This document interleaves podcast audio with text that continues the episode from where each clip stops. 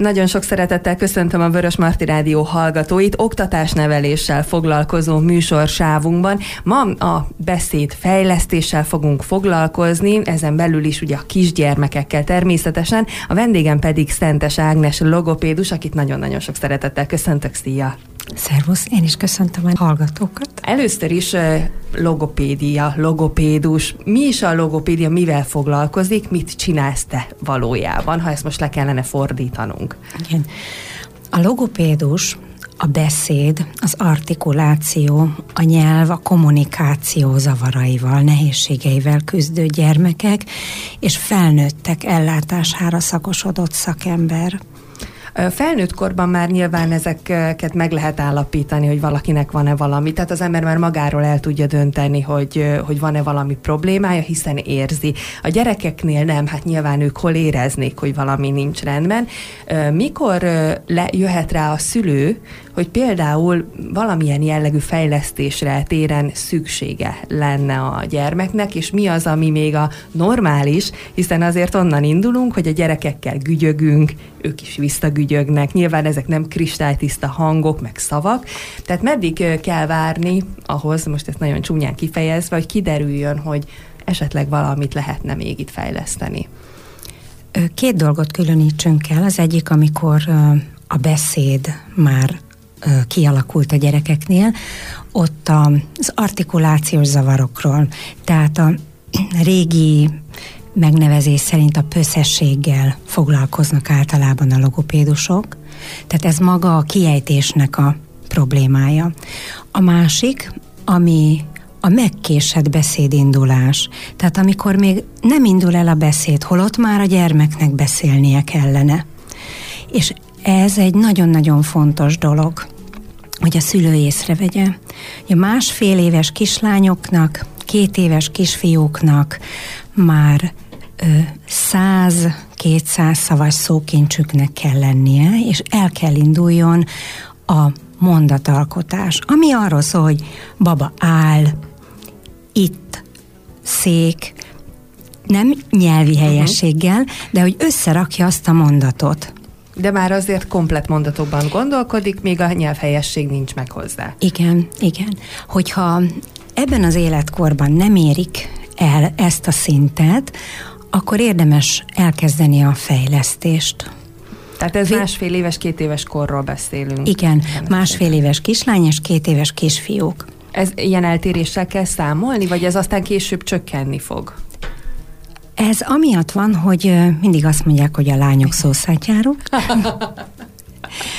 És ez már itt kiderül. És a, a kislányoknak a nyelvi készségük egy picivel gyorsabban érik. És emiatt van az, hogy ő náluk már elvárható lenne, hogy másfél évesen ez a gazdagodó szókincs, és főként a miesz korszak, amit ugye nem tudjuk kellően kielégíteni a válaszainkkal őket, ez ebben az életkorban indul el, és akkor ezután még gyorsabb ütemű szokincsfejlődés, mondatalkotás hozza az, a beszédnek az alakulását normális esetben. Hogyha ettől elmaradnak a gyerekek, akkor érdemes logopédust megkeresni a szülőnek. Mert nem lehet tudni, hogy mi állhat a nem beszélés hátterében. Mert van egy egyszerű megkésés, amikor csak úgy gondolja, hogy ő még ráér azzal, hogy szóba elegyedjen bárkivel is, de vannak esetek, amikor a beszéd zavaráról van szó, amikor nagyon-nagyon ö, hosszú idejű terápiás lehetőség, még iskoláskorig történő kísérés is van, az úgynevezett akadályozott beszédfejlődés miatt. Ez mit jelent? Tehát hogyan lehet megkülönböztetni azt, hogy miről van szó, hogy ő egyszerűen nem szeretne még kommunikálni, vagy pedig a háttérben azért van probléma is? Ezt igazából egy hosszú ö, diagnosztikai folyamat tudja. Uh-huh. Tehát ehhez szakember kell mindenképpen, ez nem a szülő kompetenciája. Igen, és a szakember sem fogja két-három alkalom után megállapítani, hogy itt bizony kicsit komolyabb probléma van. Elkezdődik egy terápiás menet, és az úgynevezett folyamatdiagnosztika, tehát amikor kísérjük a gyereket minden alkalommal egy picit többet látunk belőle, ekkor tudjuk meg, hogy milyen irányú a fejlesztés, milyen irányba kell még tovább ö, vizsgálatokat folytatni, hogy a hallása rendben van-e, hogyha súlyos problémát látunk, a gyermeknek a kommunikációja is érintett, tehát hogy nem szívesen vesz részt beszédhelyzetekben, olyan helyzetekben, amikor, amikor ő neki ingereket nyújtanak, és arra válaszolni kellene, tehát a szociális készsége is érintett. Olyankor szoktunk még neurológiai vizsgálatot javasolni. Ha a mozgását nem látjuk olyan éretnek, mint a korosztálya, akkor szoktunk mozgásvizsgálatot, konduktív pedagógiai segítséget is kérni a gyerekeknek. Ugyanis a beszéd az egy nagyon-nagyon finom mozgás, és ezt meg kell, hogy előzze a nagy mozgás, tehát az egész testtel végzett mozgásnak a fejle- fejlődése és fejlettsége. Hiszen a nagyokból tudunk finomítani, ugye Igen. a legkisebbek felé a logika legalábbis ez diktálja. Ebben az esetben, ha valós probléma áll a háttérben, és ki is kell vizsgálni ezt a dolgot, ez mennyi idő alatt hozható helyre, ha ha megvan minden, és, és a szakemberek ugye rájönnek, hogy mivel van dolguk, akkor ez mondjuk általános iskolás korra behozható, fejleszthető annyira, hogy az iskolában ne legyen gondja?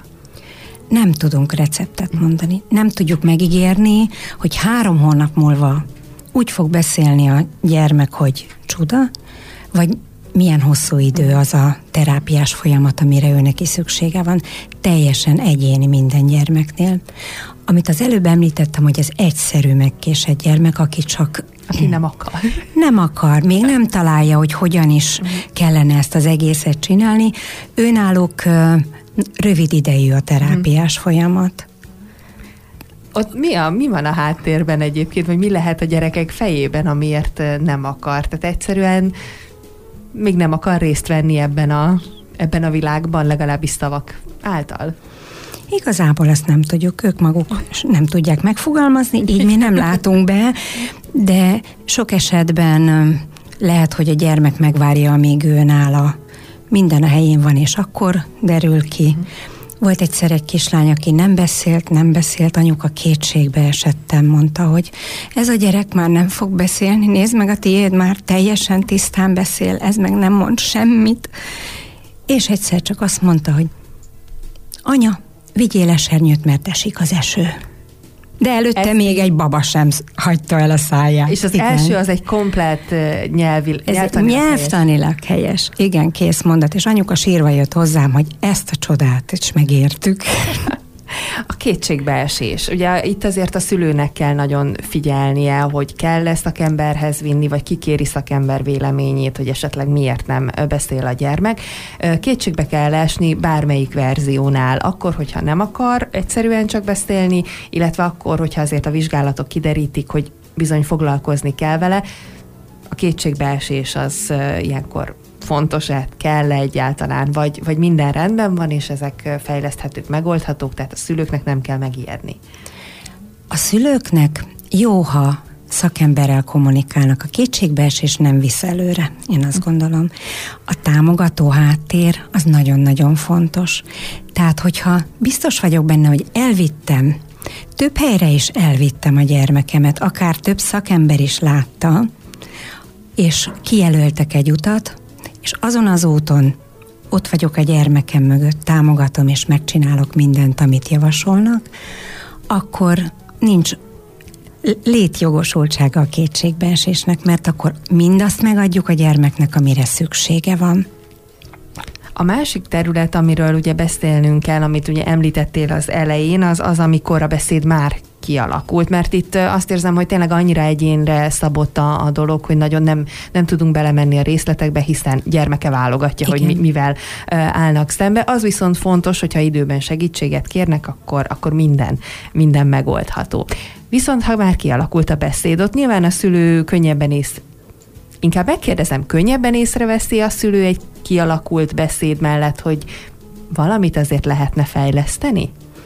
Igazából a szülők nem tudják, hogy mikortól kellene annak a kisgyermeknek tisztán artikulálni. Van, aki túl korán várja el a gyermektől, van, aki pedig már igen, csak kellene szépen beszélni a gyermeknek, de a szülő szerint még olyan cukki. És akkor ezt kell a logopédusnak eldönteni. Most Magyarországon kétféle mérés van, amit a szakszolgálatok végeznek az óvodákban. Az első életkor a három éves gyermekek, tehát az óvodába bekerülő harmadik életévüket betöltött gyermekeknek a mérése, ami a beszéd fejlettségére és visszautalva a megkésésre vonatkozik. Tehát, hogy beszéle már olyan szinten a gyermek, ahogyan egy három évesnek kell lennie. Erre egy szülői kérdőív ad választ, tehát nem egyesével mérik végig a logopédusok az összes három évest, hanem a szülők által kitöltött kérdőíveket értékelik, és a rászoruló gyerekeket, tehát a szükséget képező gyerekeknek kell megjel, illetve hát adnak lehetőséget, hogy a szülő tanácsadást kérjen, illetve ha szükséges, akkor terápiára elvigye a gyermeket. Hát gondolom itt azért három éves korban, amikor bekerülnek az óvodába, ott azért fontos, hogy szavak szintjén is legalább, de kommunikáljon, hiszen az óvónőnek lehet, hogy el kell mondania valamit, vagy ha az óvónő kérdez, akkor meg kell értenie, és valamilyen választ meg tudnia kell ráadni. Igen. Sokszor ugye a gyerekek bekerülnek egy új környezetbe, és azért nem beszélnek.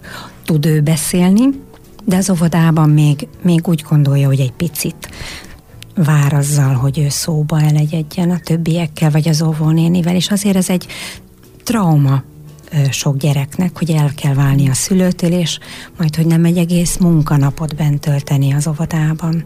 De egy idő után megnyílnak. Igen. Szerencsére azért a gyerekek elég nyitottak és alkalmazkodóak egy-egy új környezethez. Tehát ebben az esetben a szülői kérdőív segít. Igen. Mi a másik fajta mérés? Az ötödik életévüket betöltött gyerekek pedig azért vesznek részt logopédiai szűrésen, hogy lehetőség szerint az iskola kezdésre minden gyermek tiszta artikulációval lépjen majd iskolába. Ekkor már ö, konkrétan logopédusok mérik a gyerekeket, vagy Igen. ez is a szülőn keresztül? Ez a logopédiai kötelező szűrés. Ezt minden óvodában a helyi logopédusok végzik ezeket a méréseket ebből kifolyólag akkor arra következtetek, hogy minden óvodában kell, hogy legyen logopédus? Vagy mi a, hogy néz ki maga ugye a rendszer, a logopédia rendszere itt Magyarországon? Hát az lenne az ideális, a tökéletes, ha minden intézménynek saját mhm. logopédusa lenne. Ez sajnos nem így van, hanem a pedagógiai szakszolgálat logopédusai látják el az intézményeket attól függően, hogy hány gyermek jár egy óvodában, és abban az óvodában hány rászoruló gyermek van, ehhez próbálják meg igazítani az óraszámokat. Ez lehetetlen. Tehát olyan ö, nagymértékű logopédus hiány van, hogy sajnos vannak gyerekek, akik várólistára kerülnek. Ez a várólista, ez úgy alakul ki, hogy a mérések után a logopédus összeállítja azt a súlyosság szerinti listát, ami alapján be kell kerüljenek gyerekek a gondozásba. Az óvodák jelzik, illetve a szülők is jelezhetik, hogy ők úgy érzik, hogy még nem öt éves a gyermeke, de annyira hottentottán beszél, hogy senki nem érti meg, és emiatt egy korábbi életszakaszban már elkezdődhetne a logopédiai ellátás. Tehát a szülő is, illetve az óvónő is jelezheti azt, hogyha ha probléma van, illetve a szűrésekkel maga a logopédus is ki tudja szűrni. Igen. Tehát, hogy tulajdonképpen három kézen át megy a dolog, tehát előbb-utóbb valaki észreveszi, ha ha olyan probléma van, amin változtatni kell. Igen. Tehát nem marad gyermek vizsgálat nélkül. Szentes Ágnes logopédussal beszélgetünk ebben az órában, és ott tartottunk, hogy az óvodában ugye van az óvoda elején, illetve a vége felé közeledvén is egy-egy szűrés, ami ugye megpróbálja kimutatni azt, hogy a gyerekeknek van-e szükségük valamilyen fejlesztésre. Mondjuk azt, hogy van. Ebben az esetben ugye már valamilyen beszédtechnikával ők rendelkeznek, mik az előforduló problémák? A gyerekeknél általában, amit pösszességnek hívnak a szülők, az a hangképzés zavara. Ez általában úgy néz ki, hogy legutoljára javított hang az R, de általában a szülőknél ez szokott a legnagyobb gondot jelenteni, hogy még nem pörög neki az R, de a sziszegő hangok, susogó hangok ejtésénél vannak problémák. Nyelvkidugós ejtéssel, amikor a kis nyelvecskéjük kint van, és ilyen kis édi-bédi beszédük van, de azért ez nem az igazi. Aztán több hang, tehát illetve minden hangot érinthet, akár a magánhangzókat, vagy a KTGD hangokat.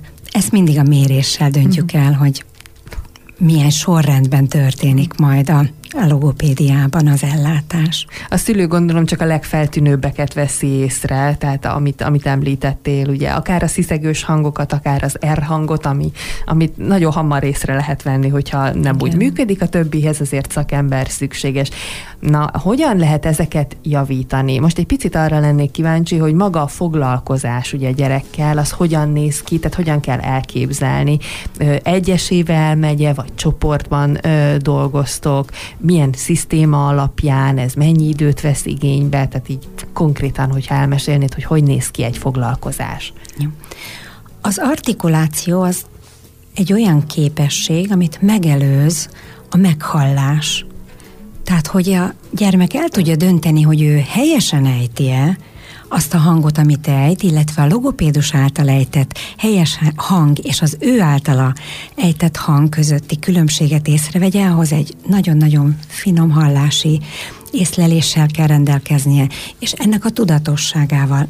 Ez az úgynevezett fonológiai tudatosság, amit a logopédusnak feladata fejleszteni a gyermekeknél. Ez a, az egyik része a logopédiai terápiának. Ezt hogyan lehet egyébként? Tehát itt a hallásról beszélünk, hogy a jól hallásról beszélünk, ezt hogyan lehet fejleszteni?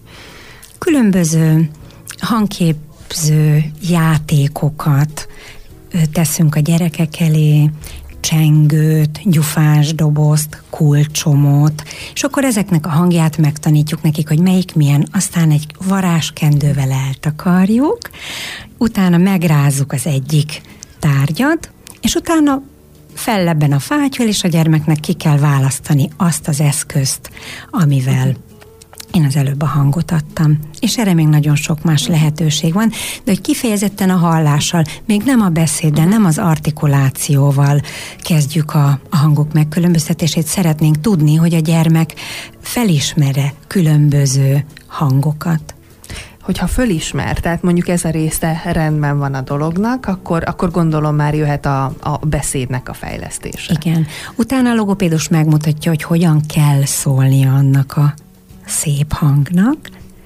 és utána eldönti a gyermek, kap egy kis tárcsát, vagy valami eszközt, hogy jelezze, hogy én szépen mondtam, vagy nem szépen mondtam. És ha szépen mondtam, kaphatok egy piros korongot, ha nem szépen mondtam, akkor elveszi Tehát tőlem. a gyerek ö, osztályozza kvázi igen, a logopédus. Igen, de tehát de ő még... eldönti, uh-huh. hogy én jól csinálom, vagy nem jól.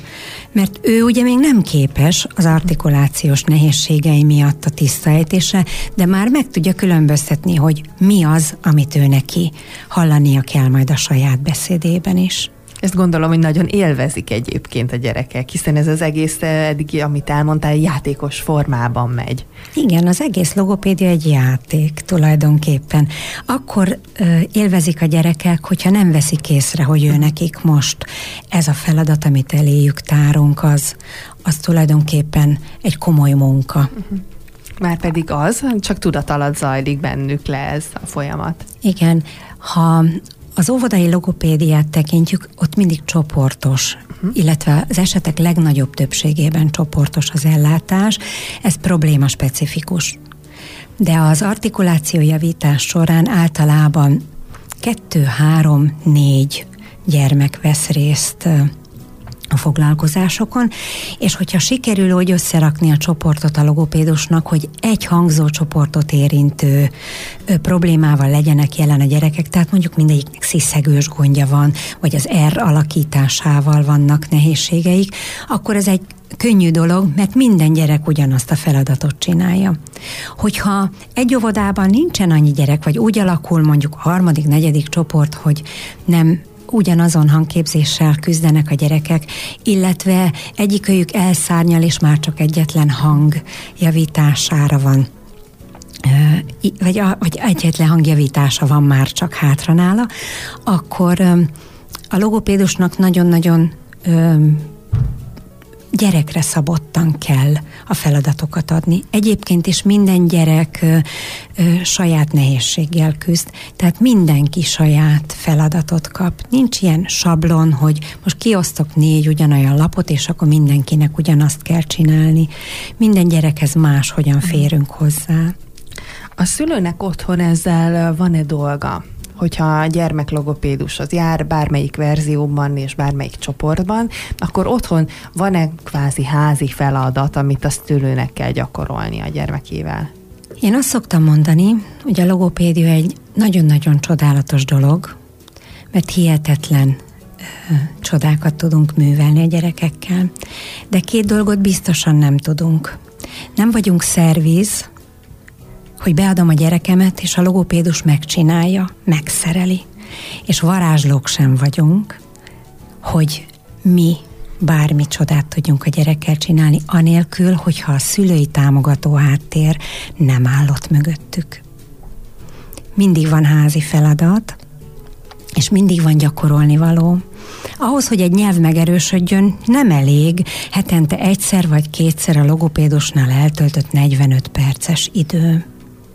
Tehát otthon mindenképpen kell nyelverősítő gyakorlatokat csinálni, kell a hallásfinomítást csinálni, ahhoz, hogy majd a gyermek eljusson arra a szintre, hogy terápiából kikerülve szépen tisztán beszél. Ennek segítségével legalább a szülők is fejlődnek egy picit a gyakorlatokkal. Igen, ha a szülők észreveszik azt a lehetőséget, hogy ezek az alkalmak, amikor együtt töltenek időt a gyerekükkel, ez mennyire fontos, akkor a gyerekek is átbillennek abba a lehetőségbe, hogy szívesen veszik elő otthon a feladatokat.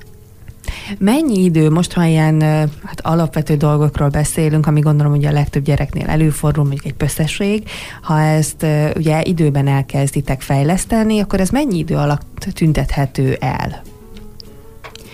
Megint csak nem tudok igazi időt mondani, de egy támogató szülői háttérrel, egy érett feladattudattal a gyermek részéről egy tanév alatt nagyon sok beszédhiba kiküszöbölhető.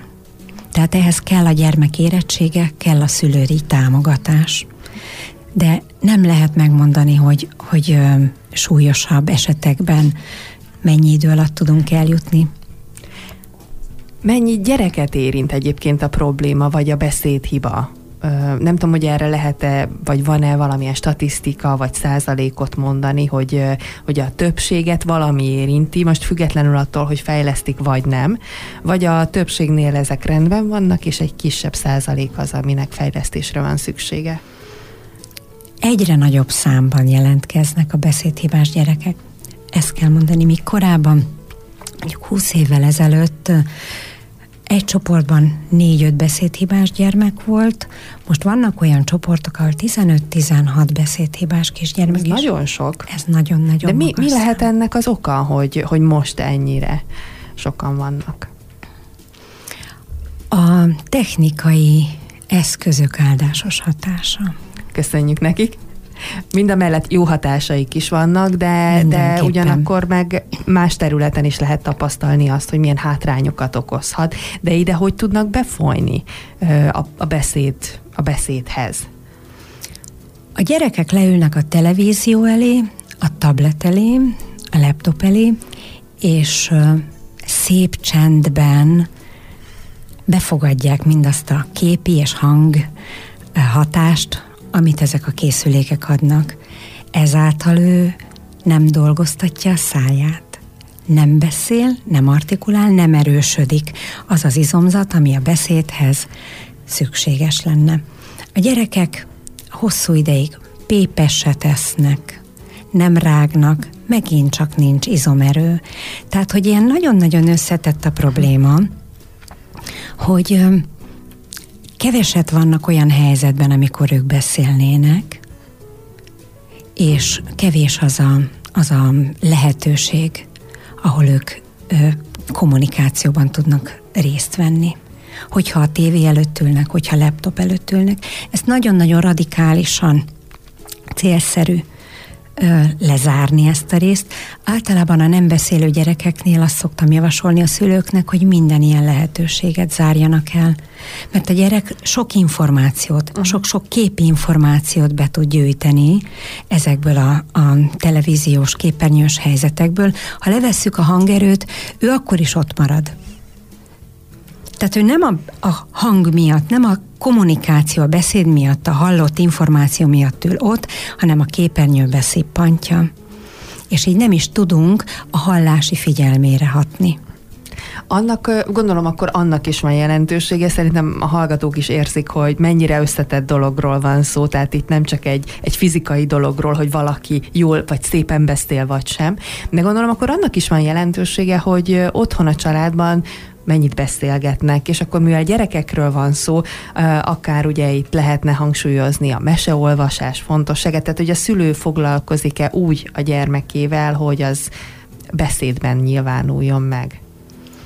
Nem tudom megítélni a szülők otthoni tevékenységeit, viszont ajánlani tudom, hogy minél többet legyenek úgy a gyermekkel közösen, hogy mindenféle élethelyzetben. Tehát nem csak az a dolga a szülőnek, hogy este lefekvés előtt elővegye a mesekönyvet, vagy elővegye a diavetítőt, és akkor azzal meséljen a gyermeknek, hanem mindenféle más élethelyzetben is együtt lenni. Tehát a kommunikáció az minden alkalommal fontos. A terítésnél rengeteg lehetőség van arra, hogy a beszédét fejlesszük, a, a megfigyelést, a beszéd megfigyelést, a beszéd megértését a gyermeknek. Hogy vidd oda a tányért, és tedd a tányér mellé balra villát. Nem csak, hogy teríteni tanítom meg, hanem az irányokra is uh-huh. megfigyelni, hogy mit kértem. Az apa tányérja mellé tegyél két kanalat. És hogyha ilyen extra dolgokat kérünk, ha a gyerek figyel a beszédünkre, akkor ezt ügyesen megcsinálja. Ezzel tudjuk ellenőrizni is, és fejleszteni is a gyermek beszédértését.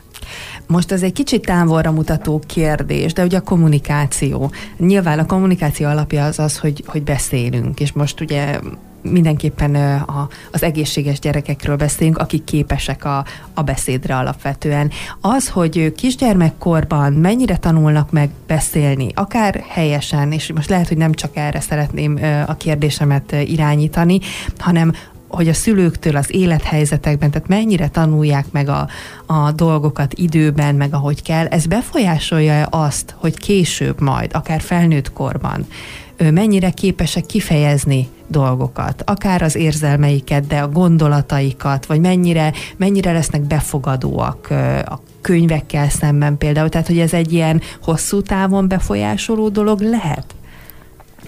Ugye alapvetően van az embereknek habitusuk. Vannak, akik ö, inkább befelé fordulóak, nem szeretnek annyira benne lenni kommunikációs helyzetekben, és vannak, akik kifelé fordulók. Ettől függetlenül az, hogy akár a befele fordulónak is alkalmanként meg kell nyílnia, és megfelelő kommunikációval helyes nyelvi szerkezetekkel tudja magát kifejezni, ahhoz szükség van arra, hogy magát a, a mondatalkotást, a nyelvhelyességet megtanulja. Ezekre a mesék rendkívül ö, megfelelőek. Nagyon sokat segítenek a mesék, és ha egy gyermek már 42-szer is ugyanazt a mesét szeretnék kérni, holott már ő is kívülről tudja, és apuka is kívülről tudja, arra azért van szükség, mert ő ebből is tanul nem csak a, a mese áldásos hatásait uh-huh. fogja élvezni, hogy és még mindig nyert a főhős, hanem, hanem magát a nyelvszerkesztést is gyönyörűen tudja beépíteni a saját beszédébe. Nagyon fontosak a mesék. Én 16 évig meséltem, tehát nem csak kicsinek, hanem már amikor nagyobbak voltak, akkor is kérték, hogy mami, gyere, mesélj még, és akkor már ifjúsági regényeket uh-huh. olvastunk, aztán közben itt-ott lelopkodtak a polcról a meséltők, már sokkal hamarabb végére értek a könyvnek, mert én csak fejezetenként olvastam, de igény volt a hallott mesére is. Úgyhogy ezt ajánlom mindenkinek sok-sok szeretettel. Ezzel az ajánlattal fejezzük be ma a beszélgetésünket, de azt hiszem, hogy még rengeteg téma van, amit nem érintettünk. Most talán az volt a cél, hogy a, a logopédust egy kicsit közelebb vigyük a, az emberekhez, hogy valójában mivel is foglalkozik, illetve hogyan tud segíteni, meg ugye hol, meddig van a szülőnek felelőssége, meddig tud ő maga segíteni a gyermekének. Szentes Ágnes logopédusnak, tehát köszönöm szépen a beszélgetést. Én is köszönöm a lehetőséget.